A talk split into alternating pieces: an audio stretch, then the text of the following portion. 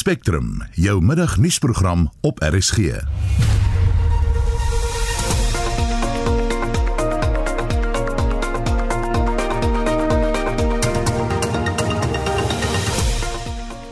die program 'n onafhanklike spesialisspan is aangestel om die brand by die parlementsgebou te ondersoek. By die einde van die week sal ek bekend maak hoe lank gaan hulle vat om die hele assesseringsproses klaar te maak ook hoe lank gaan die herstelwerk doen in die koste van die skade.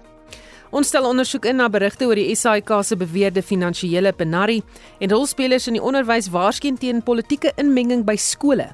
Die plig om onderrig te verskaf is die staat se verantwoordelikheid, maar die toelatingsbeleid bly op skoolvlak. Ons het ons kommer uitgespreek spesifiek oor kwessies soos die gemeenskap se reg om oor die taal van onderrig en die toelating van kinders tot skole inspraak te hê. Ons gaan hierdie weer opbring met die minister en met die relevante organisasies. Span in die ateljee se redakteur Marlenae Forsie, produksieregisseur Johan Pieterse en ek is Susan Paxton.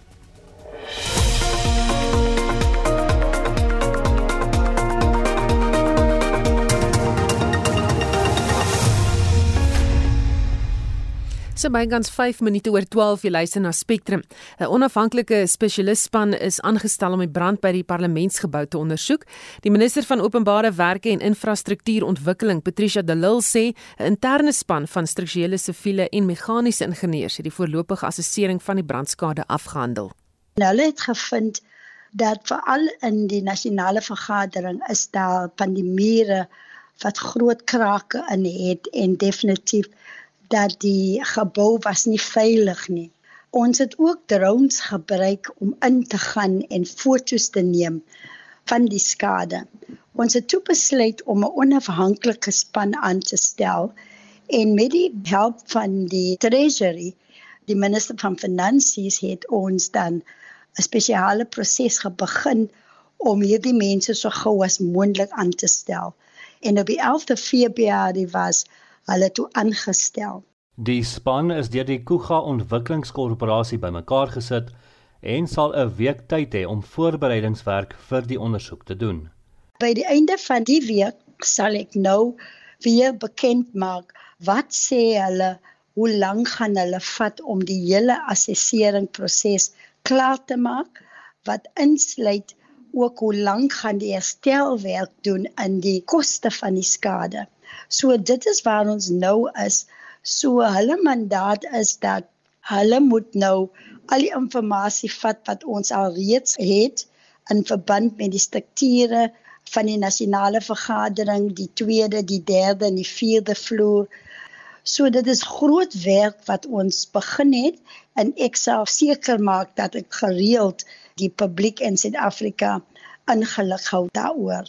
Die spesialistspan sal spesiale toetse op die materiaal binne die gebou moet doen.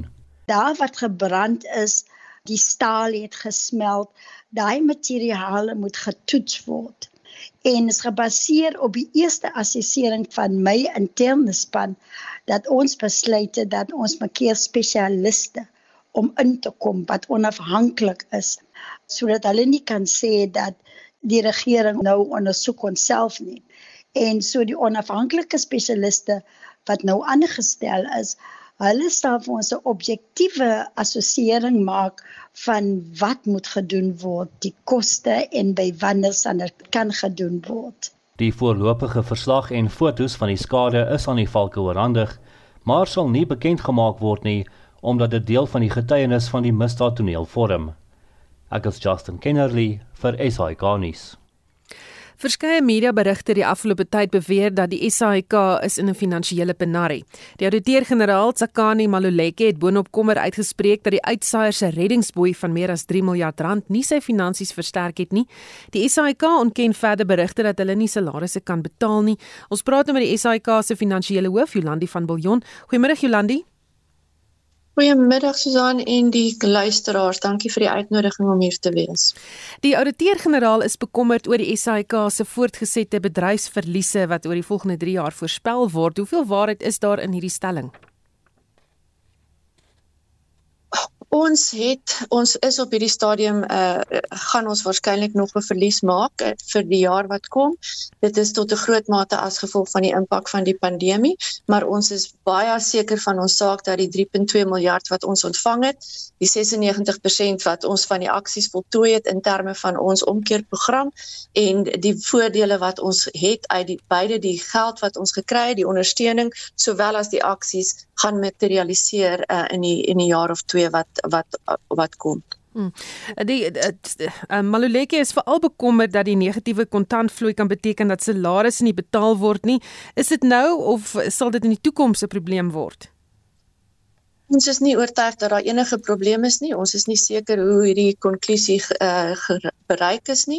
Van my perspektief af, in die eerste plek en baie van uh, die mense sal beide die gehoor sowel as die SABC werknemers sal onthou hoe ons selfs 2 3 jaar terug toe dinge regtig moeilik gegaan het, altyd die salarisse geprioritiseer het. Ons voorsien nie op hierdie stadium enige rede dat ons weer op daai stadium moet kom nie. Ja, dinge kan verander. Ons sien dit met ander SOUs, maar heidaglik is dit glad nie 'n rede hoekom ek wakker lê in die nag nie en ek glo dat dit my werknemers en ons gehoor ook gerus sal stel. Hmm.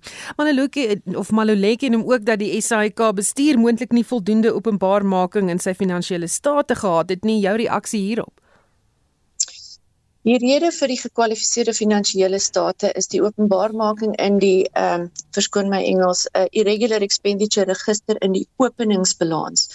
Dit beteken tot en met 1 April 2020, nie na dit nie. So al die prosesse wat die onderneming in plek gesit het wat baie omvattend is, het verseker dat die kwalifikasie nie meer op in jaar gevalle is nie, maar dit wat ons geërf het en om die waarheid te sê, wat ons geërf het in 2018 toe dit 5 miljard rand was. En daar is reeds 'n projek aan die gang om ook die volledigheid te bevestig vir 2018, 19 en die balans van 2020. So dit is die enigste rede waar die ehm um, beperkte openbaarmaking vandaan kom. Hmm. En dan wat van berigte in City Press dat die SAIK se kantore in Pretoria wou skuif? Enige waarheid daaraan? Al ons lees dit nou maar ook in die koerante, weet nie waar die gerugte vandaan kom nie. Die Pretoria kantoor is besig om te skuif en ons kyk na verskeie opsies in die verband. Hm. En dan net laastens laastens, eh, hoe lyk die SAIK se finansies tans? Werk julle planne om hierdie skip om te draai? Maar die CFO sal altyd 'n bietjie meer wil hê van alles. Ehm um, so en en ek is veronderstel om almal op hulle tone te hou. So ek jaag die hele lot rond uh, en ek is permanent besig om te kla oor iets. Maar ek dink uh, mense vergeet hoe ver ons gekom het in die 3 jaar wat ons nou in ons plan af is. Daar is fenominale vordering wat gemaak word. Ja, die pandemie het 'n bietjie van 'n spoedhobbel in ons in almal se paaie gesit, maar ons ons bly met uh, toegewyd aan uh, die die plan en dit wat ons seker is hy gaan uh, realiseer. Uh, ons gaan binnekort ons begroting bekend maak en ons hoop dat selfs in die um, sal die impak van die plan en die ondersteuning wat ons gehad het en elke liewe aksie van almal in ons onderneming die afgelope 3 jaar gaan sigbaar wees. Baie dankie. Dit was die SAIK se finansiële hoof Jolandi van Biljon. Voorgestelde wysigings aan die skolewet wat bepaal dat 'n skool se taal- en toelatingsbeleid deur die onderskeie provinsiale onderwysdepartemente goedgekeur moet word, is verlede week aan die parlementêre komitee van onderwys vir goedkeuring voorgelê. Dit bepaal onder meer dat die hoof van 'n betrokke onderwysdepartement by magte is om 'n skool se taal- en toelatingsbeleid tersyde te stel sou die voorgestelde wysigings goedgekeur word. Esie de Klerk het meer besonderhede. Die voorstel is dat hoewel die wysigings bepaal dat die beheerliggaam van 'n bepaalde skool in die proses ingelig moet word en dat gemeenskappe teen 'n bepaalde besluit kan appeleer, die finale besluit steeds by die provinsiale onderwysdepartement lê.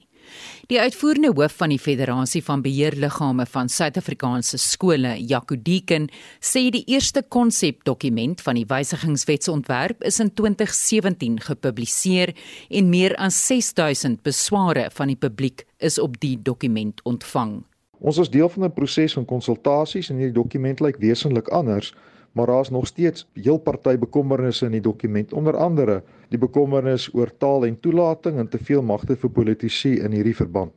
Hoewel die beheerliggaam steeds die taalbeleid bepaal en die toelatingsbeleid bepaal, bly daar struwelinge oor kapasiteit en gaan dit eenvoudig nie opgelos word deur vir 'n politikus die finale sê in so 'n dokument te gee nie. Fetsas is van mening dat die portefeulje komitee weer openbare kommentaar moet toelaat of ten minste geleentheid moet bied waar ons hierdie kwessies direk kan opper in openbare verhore alles dit dan ook in die parlement. Die plig om onderrig te verskaf is die staat se verantwoordelikheid, maar die toelatingsbeleid bly op skoolvlak en daar is meer as genoeg bepalinge in die wet self sowel as in hofuitsprake wat eintlik hierdie proses baie mooi uiteensit en dat besware wel na die LER toe kan gaan in plaas daarvan dat die LER eintlik hierdie proses wil bestuur. Afriforum se hoof van kultuursake Alana Bailey sê die burgerregte organisasie het in 2017 deelgeneem aan die openbare raadplegingsproses oor die wysigingswetsontwerp. Ons het ons kommer uitgespreek spesifiek oor kwessies soos die gemeenskap se reg om oor die taal van onderrig en die toelating van kinders tot skole inspraak te hê. Nou word daar gesê dat daar wel ag geslaan is op die destydse insette deur die publiek en dat dit teleurstellend is dat 'n mens nou reageer maar die feit bly staan dat hierdie sake waaroor ons kommer uitgespreek het nog net so in die nuwe wetsontwerp staan. Met ander woorde, die openbare raadpleging is in die wind geslaan en die departement het net voortgestuur met hierdie hele proses. Afriforum sê voort sy beskou die wysigings op die wetsontwerp as die ANC se haatveldtog teen Afrikaanse kinders in skole. Die uitvoerende direkteur van die onderwysvakbond Naptosa, Basil Manuel, sê skole en beheerliggame weet wat die beste is vir bepaalde skole en besluite soos taal- en toelatingsbeleid moenie in die hande van onderwysdepartemente geplaas word nie. Ons wil nie sien dat goedkeuring veranderinge sal bring sonder dat daar goeie redes sal wees. En ons gaan hierdie weer opbring met die minister en met die relevante organisasies ook. Intussen het die DA-leier John Steenhuisen verlede week gesê die party stel voor dat skole daagliks 'n uur ekstra skool gaan om onderrigtyd in te haal wat die afgelope 2 jaar tydens die COVID-19 pandemie verlore is. Die woordvoerder van die Nasionale Departement van Basiese Onderwys, Elijah Mhlanga, het egter aan News24 gesê om die skooldag te verleng sal net ekstra verwarring veroorsaak. Deacon sê FETSAS ondersteun nie die DA se voorstel nie. Gemeet aan internasionale norme is Suid-Afrika se skooldag reeds te lank. Die uitdaging is eerder om die ure wat ons leerders by skool is, effektief en produktief te kan gebruik en dat daardie besluit in die skoolgemeenskap se hande gelaat moet word. Skoolhoofde, bestuurspanne en beheerliggame weet wat die agterstande is en hoe dit die beste moontlike manier in hulle gemeenskappe aangespreek kan word. So deur bloot te sê ons gaan elke dag 'n uur langer skool gaan, gaan nie noodwendig hierdie probleem of 'n behoefte aanspreek nie. Basil Manuel van Aptosa sê die DA neem nie in ag wat alles in skole gebeur nie. In 2022 gaan ons nie die kurrikulum verander nie. Ons gebruik nog 'n kurrikulum wat ons in 21 en in 2020 gebeur. Dit is nou die verkorte kurrikulum sodat ons nou mooi uit kan werk wat is dit wat ons moet opvang. Nie alles wat verlore gegaan het moet opgevang word nie. Daarom is dit te vroeg om te dink aan die verlenging van skooldae. Ek wil sê dat in matriek waar meer tyd wel nodig is, doen ons onderwysers dit al klaar.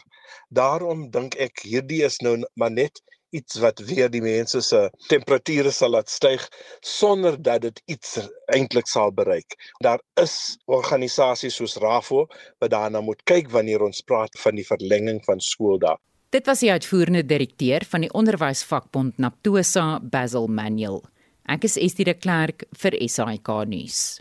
Ons bly by die storie en praat met die onafhanklike onderwyskenner en stigter van Go Teach Dr. François Nudee. Goeiemôre François. Middag Susan. Watter impak sal dit hê as die wysigings aan die skolewet en opsigte van taal en toelatingsbeleid goedgekeur word dink jy? Kyk wat gaan gebeur is dat uh, ons praat dan van 'n gesentralisering van die uh, taal en toelatingsbeleid. Met ander woorde, die staat gaan meer van 'n sê hê oor wat die um die die die onderrigtaal en die leertaal in die skool kan wees en wie by watter skool um mag aansluit of aanvaar word of nie. En moet daar gevrees eh, weet word vir die behoud van Afrikaans in skole veral in die lig van wat by universiteite gebeur het? Kyk as ons praat van openbare skole, dink ek het ons baie om te vrees. Ons kyk klaar na die tendens dat Afrikaans as die enigste onderrigtaal by skole ehm um, weet uh, besig is om af te neem. Ons het baie minder weet uh, um, Afrikaanse openbare skole, maar soos met enigiets op hierdie stadium, as ons wil hê dit moet goed gedoen word en dat as die ehm uh, die gemeenskap wil hulle behoeftes bevredig kry, gaan dit geprivatiseer moet word en wat ek uh, sien in die langtermyn is dat daar baie meer privaat Afrikaans skole sal wees. Hmm. Dan taal loop hand aan hand met toelatingsbeleid van skole. Hoe word die taal gebruik as 'n toelatingsvereiste? Kyk op hierdie stadium die die beheerliggaam in die skool besluit vir namens die gemeenskap wat die taal van onderrig en van leer by die skool moet wees. Nou as jy as ouer jou leerder by die uh, skool sou inskryf, dan dan stem jy in. Jy sê ek verstaan die taalbeleid, daarom kan my kind in hierdie taal goed genoeg verstaan dat hy by hierdie skool kan leer. Nou dit is by by by uitstek dan die amper sê die hek waar die kind moet loop voordat hy by die skool toegang kan kry. Um, en ons weet dat daar is in die verlede skole wat dit gebruik het om 'n spesifieke agenda te dryf. Um, en ek dink die staat het hulle hande vol op hierdie stadium om hulle mandaat te lewer om weet kwaliteit onderrig in die land toe te pas. En hierdie is een manier van hulle om te probeer om weet hierdie besluitneming te sentraliseer. Hmm. Wat is die oplossing hier? Ek dink nie daar's regtig 'n oplossing nie. Die gemeenskap op die einde van die dag weet beter wat die behoefte van daardie gemeenskap is en hulle moet die sê kan hê by wat uh, weet in die skool gebeur. Maar as ons kyk na wat uh, wêreldwyd is die tendens om dinge te desentraliseer. Jy het distrikte wat meer sê het oor wat in die skole moet gebeur as wat op nasionale of federale vlak gebeur. So ek kan nie insien dat daar 'n oplossing hiervoor gaan wees nie. Die ouers wat wel hulle kinders wil hê moet in Afrikaanse skole skool gaan, glo ek gaan dit in 'n private instansies moet doen. En ander nuus, die DA-leier John Steenhuisen het voorgestel dat die skooldag met 'n uur verleng moet word om verlore werk in te haal. Stem jy saam dat dit gaan werk? Kyk, die aanname is dat hoe meer tyd 'n kind in die skool spandeer, hoe beter is die gehalte van leer en dis eenvoudig net nie die geval nie. Ons kan nie ons kinders en dan veral ons onderwysers oorbelas met die klastyd nie. Ons moet dink dat onderwysers se tyd nodig om voor te berei vir die lesse wanneer die kinders by die skool is. Hulle tyd nodig om assessering te kan doen. En as ons die skooldag verleng, wanneer gaan ons onderwysers voldoende leergeleenthede kan beplan en dan die assessering van daai leergeleenthede doen? So, ek dink daar is 'n manier om hierdie reg te kry. Ons kan kinders van 7:00 die oggend tot 7:00 die aand skool laat gaan mits ons dit reg struktureer en ons die behoeftes van die gemeenskap dan daarbey betrek maar om hulle soos wat ons nou doen net in 'n klaskamer te sit en voor te berei vir 'n eksamen is nie doeltreffende leer nie. Baie dankie om te praat met die onafhanklike onderwyskenner Dr. Fransha Nudias. Bly by onderrigsake. Die minister van hoër onderwys Dr. Blyden Semandi het die afgelope naweek op Twitter kommentaar gelewer oor opmerkings van die ouditeur-generaal Tsakani Maluleke. Volgens haar kan die nasionale vaardigheidsfonds nie rekenskap gee van sowat 5 miljard rand nie. En Semandi sê hy het 'n ouditeursfirma aangestel om dit te ondersoek en dit volg kort op die hakke van die president se aankondiging in sy staatsrede dat daar strenger opgetree gaan word teen korrupsie. Vir sy mening hier Hieroor praat ons nou met eh, Dr. Wynand Boshoff, van Plus LP. Goeiemôre Wynand. Middag Susan, al RC se luisteraars. Eerstens jou reaksie op die gebeure wat betref die nasionale vaardigheidsfonds. Ja, dis nou 'n vreeslike lastige storie, net soos alle korrupsie stories regtig baie lastig is. Daar word 1% op elke persoon wat formeel in diens is, se salaris afgetrek uh, as 'n nasionale vaardigheidsheffing. En van daai 1% word 20% na die ehm um, vaardigheidsfonds toe toegewys. Die res is om die setas in stand te hou en so voort. Nou uh voor Covid het dit so 18 miljard rand in 'n jaar opgelewer. Uh verlede jaar het dit so 12 miljard opgelewer. Daar was natuurlik nou 'n uh, tyd wat dit ehm um, werkgewers vrygestel was daarvan, maar dan was daar nou ook laer indiensneming. En daar's nou 'n direkte verband. Dis nie 'n 'n bedrag wat gestem word nie, dis 'n bedrag wat ons sien wanneer die uh gelde inkom. En dit beteken 5 miljard wat oor 2 jaar weggeraak het. Dit kom amper neer op helfte, kom ons sê op 'n halwe jaar se inkomste wat weggeraak het en dit is verskriklik ernstig. Ek bedoel maak nie saak waarvoor die geld uh, bedoel was nie, is dit verskriklik ernstig. Waarvoor hierdie nou nog bedoel is, is om op die langtermyn ekonomiese groei teweeg te bring deur die vaardigheidsvlakke van Suid-Afrika se werksmag te verhoog. Met ander woorde, dit is sekerlik omtrent die noodsaaklikste ding wat ons het om ons ekonomie te laat groei. Wel 'n paar ander goed staan in die ry, maar kom ons sê hier so onder die top 3 of 4. Hmm. En uh, en laat dan nou kan geld wegraak is eintlik 'n dis dis 'n skande. Dit dit kan nie so wees nie. Ja. Die minister het ook later gesê dat hy die tesourier gevra het om ondersoek in te stel na befondsing van die sogenaamde vermiste middelgroep, die wat nie arm genoeg is om te kwalifiseer vir NSFAS nie, maar ook nie genoeg geld het om te kan gestudeer nie. So die, die tipe fonds nie die probleem kon oplos nie. Dit is een moontlikheid want daar's 'n klomp geld wat uh, ons sê die die uh, vaardigheidsfonds het 'n baie meer breër beweegruimte oor wat hy presies met sy geld doen. En is vas werk sodat hy befonds die eerste graad of as jy in 'n tegniese opleiding is die die die eerste kwalifikasie en dan niks verder nie. Met ander woorde, sou jy iets gaan studeer waarvoor 'n mens nog 'n graad of 'n professionele diploma nodig het, dan moet jy dit op 'n ander manier finansier. Uh, daar gee die National Research Foundation ook uh, beurse of die privaat sektor of hierdie sou 'n bron kon gewees het. Die sentrale probleem wat ons eintlik het, is hierdie ideologiese gedagte dat die staat gratis onderwys skuld. Tevore het ons beurse en lenings gehad. Nou is NSFAS is verander in 'n in 'n 'n grant in Engels, 'n toelaag. Met ander woorde, jy hoef dit nooit terug te betaal nie. Dit is eintlik nie te ingewikkeld om dit terug te betaal nie. As jy die student as 'n belastingbetaler registreer die oomblik wat daai student se uh, beurs toegeken word, dan kan jy wanneer hy begin geld verdien, uh sommer outomaties soos wat die res van die belasting afgetrek word, daai geld terugkry en dan het jy ten minste 'n omset van die geld dat jy dieselfde geld oor 4 of 5 jaar kan gebruik. En dan kan jy die missing middle, die vermiste middelgroep, uh kan jy wel finansier en hulle ook help om uh, gekwalifiseer te word. Die die 'n aardige situasie wat ons vandag in Suid-Afrika het, is as jy in daai groep verkeer, dan het jy heel moontlik die geleentheid gehad om te gaan studeer omdat jou ouers dit op daai tyd kon bekostig, maar jy gaan dit kan bekostig om jou kinders te laat studeer nie.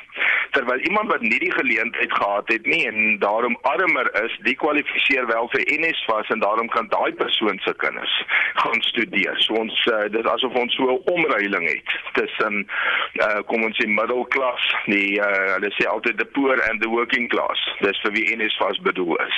Nou dit dit gaan beteken dat mense wat groot geword het as middelklas gaan nou eintlik volwasse word as poor and working class. Hmm. Sê vir my maar wat dan nou van daai vermiste middelgroep? Wat maak ons met hulle?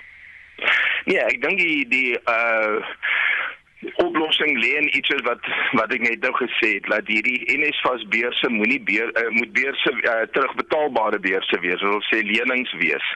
Dan beteken dit uh, ons praat so van 80 miljard rand per jaar. Dis een van die grootste uitgawes wat die staat het. Dan beteken dit dat jy mettertyd kom ons sê ook 80 miljard rand per jaar inkry, dan is dit nie net 'n bodemlose put nie en as dit nie 'n bodemlose put is nie, dan kan jy die vermiste middelgroep kan jy wel ook bystaan om uh, om hulle studies te te te finansier en dan kan jy verbygaan. Kom ons sê jy 'n BCom rek, dan moet jy nou nog hoeneers doen voor jy rekenmeester kan word. Dan kan ons dit ook doen om om dan mense regtig waar tot by die beroepstadium te finansier in hulle studies. Hm. Baie dankie. Dit was Dr. Wynand Boshoff, Vryheidsfront Plus LP. Dit is vandag Valentynsdag en om die dag te herdenk het die Mzananda Dierekliniek in Khayelitsha die hitsmerk Be My Valentine veldtog bekend gestel. Hulle moedig mense aan om hulle liefde vir diere te wys deur hawelose troeteldiere in nood aan te neem.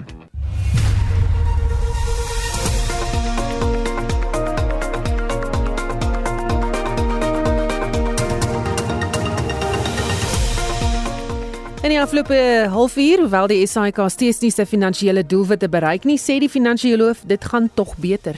Mense vergeet hoe ver ons gekom het in die 3 jaar wat ons nou in ons plan af is. Daar is fenominale vordering wat gemaak word. Ons gaan binnekort ons begroting bekend maak en ons hoop dat selfs in die um, sal die impak van die plan en die ondersteuning wat ons gehad het gaan sigbaar wees. Later in die program die ramptoestand word opgehef, maar wat gebeur met die dra van maskers? Johannesburg Metro volg die Tshwane Metro se voorbeeld om skuld in te vorder en ons bespreek die president se planne oor kragvoorsiening bly ingeskakel.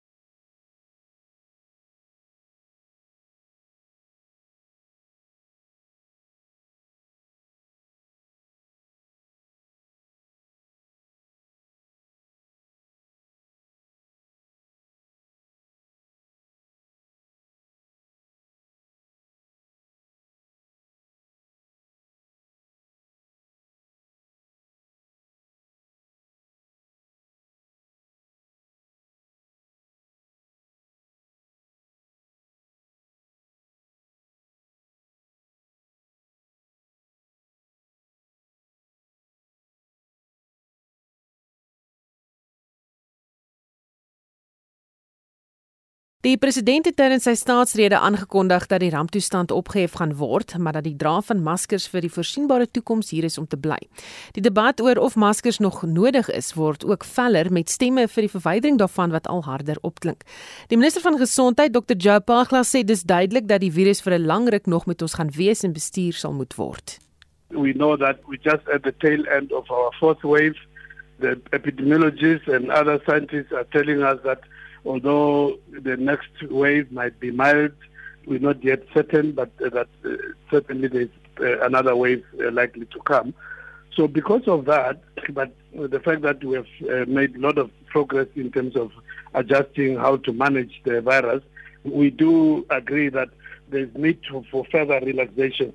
But we believe that, for instance, wearing of masks, uh, which have shown to be very good not only in managing the spread of COVID, but also flu and other respiratory diseases, that it will be good to maintain, you know, wearing of mask, uh, and maybe we may make certain adjustments as being advised. The issue of uh, social distancing, again, because of the fact that there's a lot more evidence that there's a lot of airborne distribution of the virus, some of those uh, measures will still be important. Bagla sê hoë vlak besprekings oor die kwessie, veral die dra van maskers in die buitelug word gehou. We are busy discussing that. I just met with our scientists and ministerial advisory committee on Saturday. We discussed that. They've, they're giving us some suggestions. Uh, we, our team will process that. So they're looking at all those options. What are the highest risks and what are the lowest risks?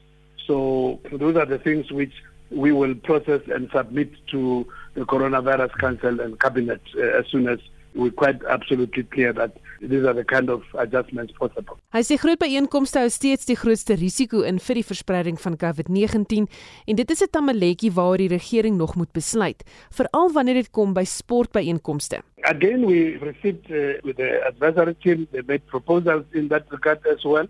It's not necessarily absolute that you can have uh, whatever, I mean, that is absolutely no risk, big gatherings as long as you are outside.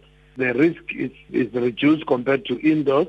But again, as to how you transition from the current situation where we say a maximum of 2,000 with distancing and to are proposals on the table in terms of gradual increases 15%, uh, 50%, 75%. You would say that you would have seen that just because we have to learn from each other. If you look at many other countries have gone that route of gradualism, and then, but the fact that we, we need to get moving, that's definitely the case. I mean, we can't keep on for much longer. Hy waarsku dat die verkeerde boodskap oor die gevaar van COVID-19 oorgedra kan word indien die huidige maatreëls te vroeg opgehef word. Definitely, definitely. This is well, as if you're in the meeting. You know, this is some of the things which I was saying to the team that, you know, uh, we do accept you some of the things which you analyze. It may scientifically be that uh, as you check the situation, but as we, I mean, they themselves, even as the advisors, they say, look, we don't know what's going to happen in two months' time. So we want to be quite responsible uh, as we have been in the last two years.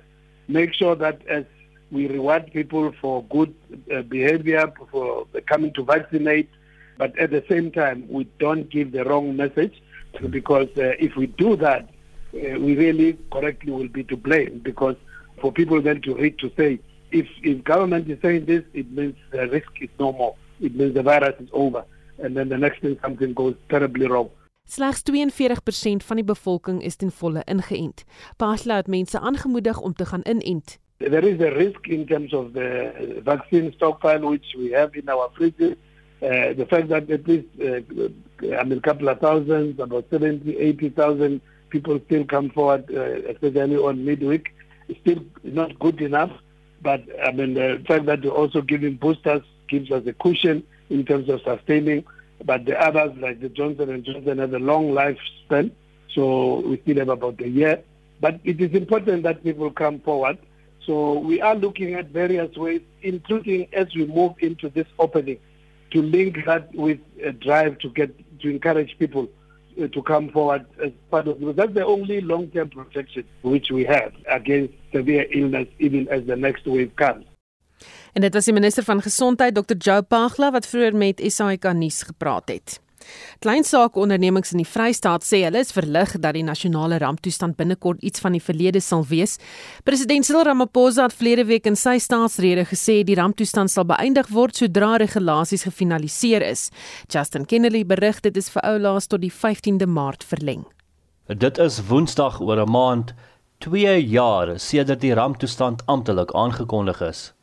Die ekonomiese gevolge van die pandemie het besighede erg geknou met sommige wat al deur 'n finaal moes sluit en ander wat personeelgetalle moes verminder. Die sakegemeenskap in die Vrystaat sê hulle het geweldige verliese gely. Een sakeman, Salim Mumangu, sê hulle het skaars oorleef. Actually, it was very difficult because we went through a lot. Some of our customers they left, went home. Some they lose their jobs. So it was very difficult in the period of this pandemic. 'n entrepreneur, Musa Korope en 'n haarkapper van Bloemfontein, Jabu de la Chance, voel verlig dat die beperkings opgehef kan word. I feel so happy because uh, things are going to be back to normal. Because we have lost many of our clients are not coming to cut because they are afraid of this sickness. So they're not coming here to the salon because of the sickness that we have right now. In terms of business, it's going to be higher a bit. It is because there will be a high rate of like uh, the time it will be too high. It's because we'll be opening around 7, closing around 11 or 12 o'clock. So it will be much easier for us and also for the clients and the community by being assisted because majority of the clients here they are students. Die inwoners is ook bly dat die ramptoestand opgehef kan word. I'm actually looking forward to it. It's been long overdue. Um, we've actually been losing a lot of money. I mean, both people people have been losing in business and their personal lives as well. So now that actually everything is going to open up, well, we hope things will get back to normal and people can actually travel again. You know, just relieve their minds and yeah, can be a better South Africa again. Small businesses like this one that I'm currently at have been suffering for a long time, but at least I'm sure most of the gentlemen here will be celebrating because of that uh, announcement by the president. President Ramaphosa vra opnuut dat mense hulle teen COVID-19 laat inent sodat die land nader aan kudde-immuniteit kan kom. Hierdie verslag van Ismail Modiba in Bloemfontein en ek is Justin Kennerly vir SI Garnis. Ons bly by die onderwerp Amnesty Internasionaal sê farmaseutiese maatskappye monopoliseer hulle inentingstegnologie en dat hulle boonop die deel van hulle intellektuele eiendom probeer keer. Hulle het ook hoë pryse op enstowwe gehef en voorrade aan ryk lande geprioritiseer. Amnesty Internasionaal Suid-Afrika se woordvoerder, Sibusiso Kasa sê net meer as 4% van diegene wat in lae-inkomste lande woon, is ten volle ingeënt. More than 1.2 billion people in low and lower middle income countries could have been vaccinated by the end of 2021 if high income countries and vaccine makers took their human rights obligations and responsibilities to heart. While high income countries hoarded vaccines, choking supply to poor parts of the world, pharma companies played an important role in this unfolding human rights catastrophe, leaving those most in need to cope on their own. En dit was Sibusiso Kasa Amnesty Internasionaal Suid-Afrika se woordvoerder. Die president se staatsrede sal vanaf later vanmiddag vir die volgende 2 dae gedebatteer word in Kaapstad. Tydens die staatsrede verlede week het president Cyril Ramaphosa gesê dat daar 'n tekort van sowat 4000 megawatt is. Hy het ook planne uiteengesit oor hoe die land dit te bowe gaan kom. Ons praat nou met Corneel Skambort, 'n dosent aan die skool vir chemiese en mineraal ingenieurswese aan die Noordwes Universiteit. Goeiemôre Corneels. Goeiemôre Susan. Sê vir my, hy praat van 4000 megawatt wat die land tekort is. Is dit soveel of is dit dalk meer? Susan dit hang af na watter bronne jy gaan kyk, maar daar is sekere bronne wat sê dat dit tot 6000 megawatt is, maar die lank en die kort is of dit 4000 is en of dit 6000 is, ons sit met 'n tekort elektrisiteit en hierdie is nie 'n nuwe probleem nie. Hy verwys daarna as hierdie groot kragkrisis wat 'n baie groot bedreiging inhou vir ekonomiese en sosiale vooruitgang, maar ons weet dat hierdie probleem is al 15 jaar met ons en gevolglik is daar drastiese stappe nodig om dit op te los. Goed, hy het gepraat van die mynbou sektor wat uh, gaan help daarmee, 'n paar ander dinge munisipaliteite wat hy genoem het wat iets gaan doen. Ehm um, is genoeg en is daar 'n tydlyn hieraan verbonde? Wel, ek dink 'n positiewe stap, daar is 'n aankondiging gemaak vir die wysiging wat aangebring word op die wet van die regulering van elektrisiteit. Dis wet 4 van 2006 nou wat goed is aan hierdie wysiging hy's nou uit vir 'n 30 dae kommentaar van die publiek tydperk wat hy uit is maar as ek dit interpreteer en ek is dalk 'n bietjie versigtig optimisties dan lyk dit vir my asof die geluide wat die president maak klink na 'n wegbeweeg van Eskom se monopolie en op die ou end van die dag as ons ons energiepad vorentoe minder staatsgedrewe kan maak en meer privaat gedrewe, dan is ons op die wenpad. Die probleem is wel en ek dink hier's waar daar interessante geluide gehoor gaan word is die feit dat die res van die regerende party nie noodwendig so entoesiasties is soos die president is in hierdie verband nie, maar ek glo dat die behoud van Suid-Afrika lê staats nie in 'n staatsgedrewe benadering nie, maar in 'n geprivatiseerde benadering. As ons vat Dis baie ironies die laaste paar staatsredes elke jaar dan word daar gesê die staat gaan 800 000 werksgeleenthede skep. Hulle gaan 'n miljoen werksgeleenthede skep en hierdie jaar sê Cyril Ramaphosa nee, ons erken uiteindelik die staat kan nie staatsgeleenthede ag werksgeleenthede skep nie. Ons wil eerder 'n omgewing skep waar binne die privaat sektor kan floreer. En dit Susan is wat ons nodig het ook as dit kom by elektrisiteitsvoorsiening. Nou wat hy wel nie oor gepraat het nie, hy het nie gepraat oor kernkrag krag nie. Hy het nie gepraat oor nuwe steenkoolkrag nie. Hy het ook nie gepraat oor car powership, die sogenaamde noodkrag wat nou al meer as 'n jaar hangende is en hy het ook nie gepraat oor die skuldlas van Eskom nie. So daardie is sake wat op die horison lyk soos konflik moontlik tussen hom en minister Gwede Mantashe, maar tyd sal leer wat daarso gaan uitspeel. As jy so na daardie planne kyk van hom, sal dit die einde van beerdkrag beteken? Verseker as dit geïmplementeer kan word. Ek salieer daardie planne. Die probleem wat ons nou tans mee sit en dit veral Nersa wat probleme daar soveel rompslomp en administrasie wat in plek gestel moet word, maar die feit van die saak is as daai rompslomp uitgestryk kan word, as daai onnodige administrasie, daar's nodige administrasie en dan's daar onnodige administrasie, maar as dit uit die weg geruim kan word en ons kan hê die wet praat daarvan as 'n uh, wonderlike kompeterende multimarkstruktuur vir die energiebedryf. Dit kan ons verseker vat op die regte koers. So die vraag is die implementeerbaarheid van hierdie planne. Baie dankie. Dit was Corneel Skambort, die dosent aan die skool vir chemiese en mineraalingenieurswese aan die Noordwes Universiteit. Die Johannesburg Metro sê hy is besig met 'n soortgelyke veldtog as die een in die Tshwane Metro om verbruikers van dienste te dwing om uitstaande bedrae te betaal. Die Tshwane Metro het verskeie besighede, staatsdepartemente en inwoners se dienste ontkoppel weens agterstallige rekeninge. Die burgemeester van Johannesburg Metro, Dr Mpo Palatsi sê, die wanbetalers het kans om hulle rekeninge te vereffen voordat stappe teen hulle gedoen word. Verbruikers skuld die Johannesburg Metro 40 miljard rand. We held presser where we announced the exact debt that's owed to the city, particularly by government departments. We started doing cut-offs two weeks ago already. We targeted big business in the inner city, and we continue to do cut-offs. With government departments, we've had several bilaterals. I've had an engagement with the Premier. A team has been set up to look into those debts, and money has started coming into the city. But we did give people a bit of time to get themselves organized. So this week we will be going full steam now to cut off where we still haven't received any payments. Baglatsi sê sy en die premier van Gauteng het vergader om uitsluitsel te kry oor die wanbetaling van rekeninge deur provinsiale regeringsdepartemente. Well, it's not so much the Premier's office. It would be government departments under the Premier's leadership. For instance, if Charlotte McClake owes us in excess of 200 million rands for water, there's no way as a municipality we can go and cut off water at a hospital like Charlotte McClake. I mean, that would be catastrophic. So the only way is for us to deal with the Premier because the Department of Health does not have the money. They've reached out, Charlotte McClake has reached out and said, we don't have the money. But the Premier is able to, through provincial treasury, make sure there's money available to pay these debts. And that's the level at which we're engaging because we understand the hospital does not have the money. Baglatsi sê ten spyte van die veldtog deur die metro is daar steeds baie mense wat nie na vore kom om hulle rekeninge te vereffen nie. We're not at this stage yet. I mean, we've issued pre-termination notices that started weeks ago already. So we're dealing more with people who've been issued with notices. We're not yet at a stage where people are coming forward of their own accord um, to ask to make payments. No, we're hoping that as we continue with Operation Boyam Tetu, we'll see more of that kind of thing happening. En dit was die burgemeester van Johannesburg Metro, Dr Mpomba Baglatsi. Intussen loop Itsani Metro deur onder kritiek op sosiale media weens die benadering van sy invorderingsveldtog. Baie voel dat die metro onsensitief en arrogant is. Ons praat nou met die dekaan van die skool vir sosiale innovasie aan die Huguenot College op Wellington, professor Erwin Schwella. Goeiemôre Erwin. Goeiemôre Susan, goeiemôre luisteraars.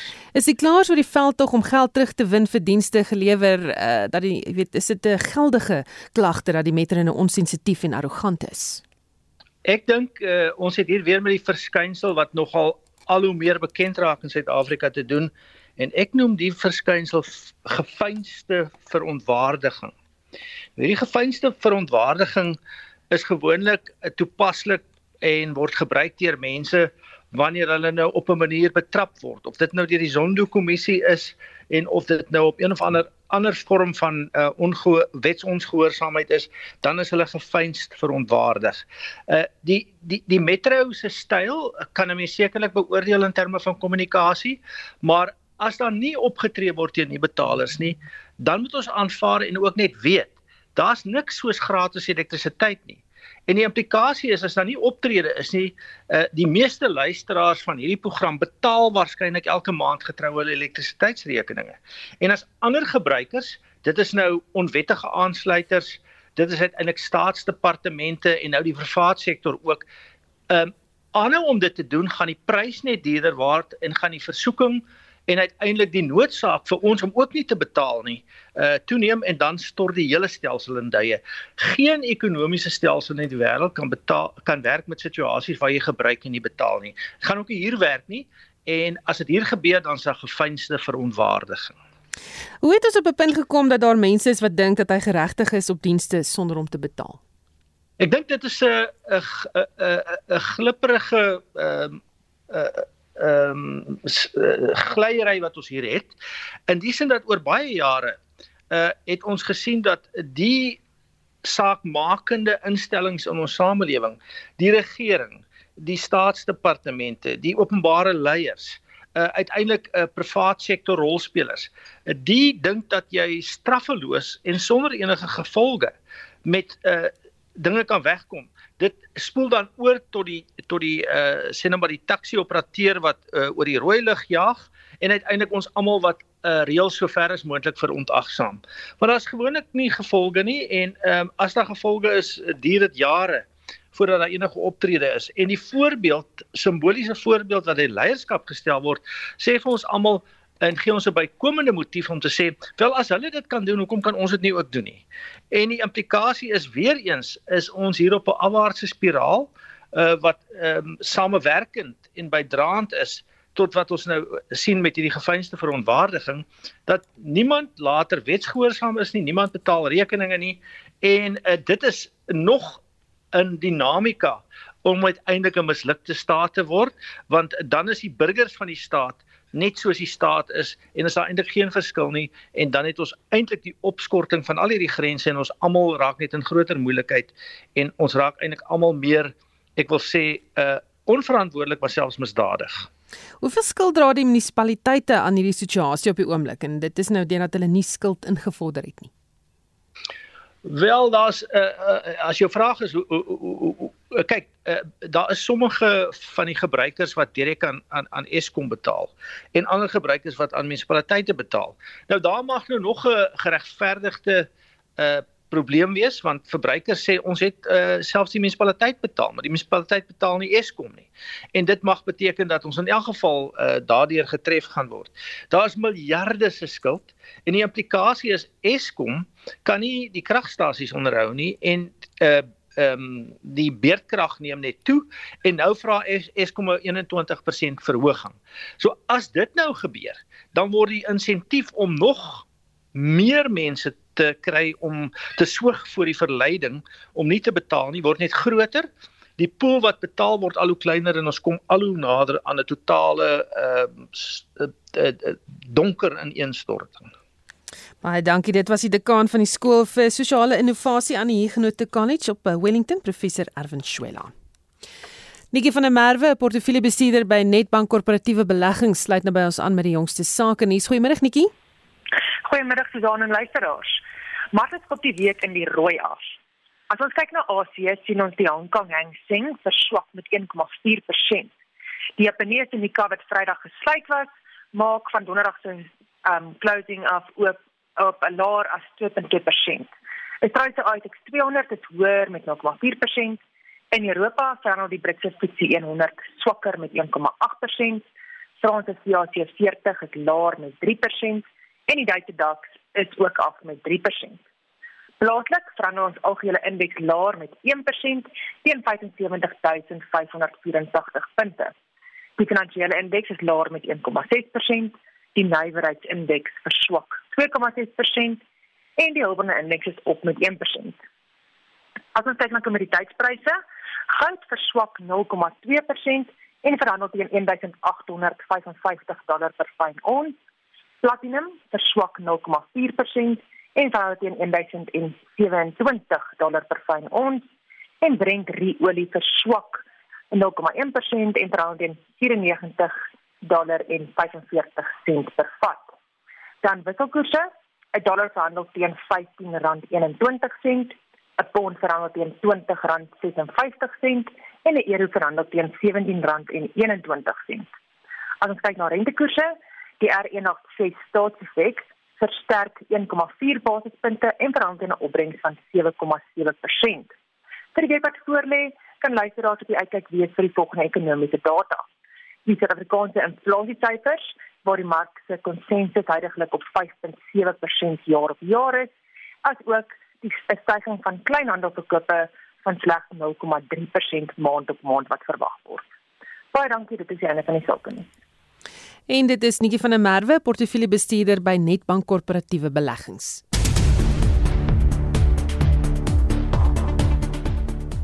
Nou ja, Estie het vir ons 'n opsomming van die nuus en ontwikkelende stories, Estie. 'n Onafhanklike spesialisspan is aangestel om die brand by die parlementsgebou te ondersoek en hier is die minister van openbare werke en infrastruktuurontwikkeling, Patricia de Lille. Die onafhanklike spesialiste wat nou aangestel is, hulle sal vir ons 'n objektiewe assosiering maak van wat moet gedoen word.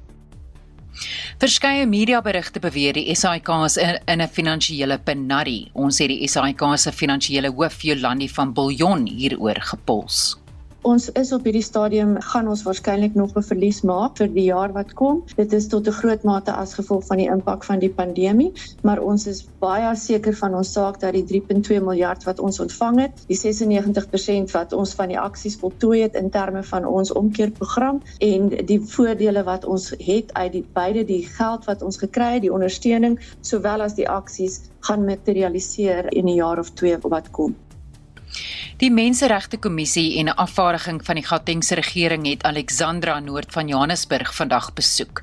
Die MRK se hoof in Gauteng, Boang Jones, sê hulle wil vasstel of vordering gemaak is met die implementering van aanbevelings in 'n gesamentlike verslag van die openbare beskermer in Julie verlede jaar. The state respondents were given 60 days within which to respond to the findings, and they were required to correct the human rights violations that the Commission found. The Commission's visit is part of its monitoring mandate, which requires the Commission to assess and check the reasonableness of government programs and plans. Politieke partye lewer vanmiddag kommentaar op president Ramaphosa se staatsrede en Monitor berig ook môreoggend meer oor die storie. En op sosiale media praat mense veral oor die hitsmerk Hoërskool Jan Viljoen en die polisie wat rubberkoels gebruik het om 'n protesoptog by die skool in Randfontein te ontlont. Nou, soos wat ons in die nuus gehoor het, die Gautengse ALR Panjasa Lesofie het die skool vanoggend besoek nadat 'n rasse gemotiveerde insident na bewering 'n Vrydag daar plaasgevind het. Ons berig ook môre in Monitor hieroor. En op sosiale media verwys mense ook na as Pistorius en Riva Steenkamp en dis vandag presies 8 jaar gelede wat Pistorius vir Steenkamp doodgeskiet het. Dit was Essie wat die nuus en ontwikkelende stories vir ons dopgehou het. En net so voor ons heeltemal groet, die uh, Gautengse provinsiale regering het 3 bestuurders in die gesondheidsdepartement en 6 in die departement van infrastruktuurontwikkeling geskort na hulle in die spesiale ondersoekeenheid se verslag oor PPE of PPE bedrog geïmpliseer is. Ons groet namens ons uitvoerende regisseur Nicoline de Weer, redakteur Marlene Forsie en produksieregisseur Johan Pieterse. My naam is Susan Paxton, bly ingeskakel vir 360 net hierna.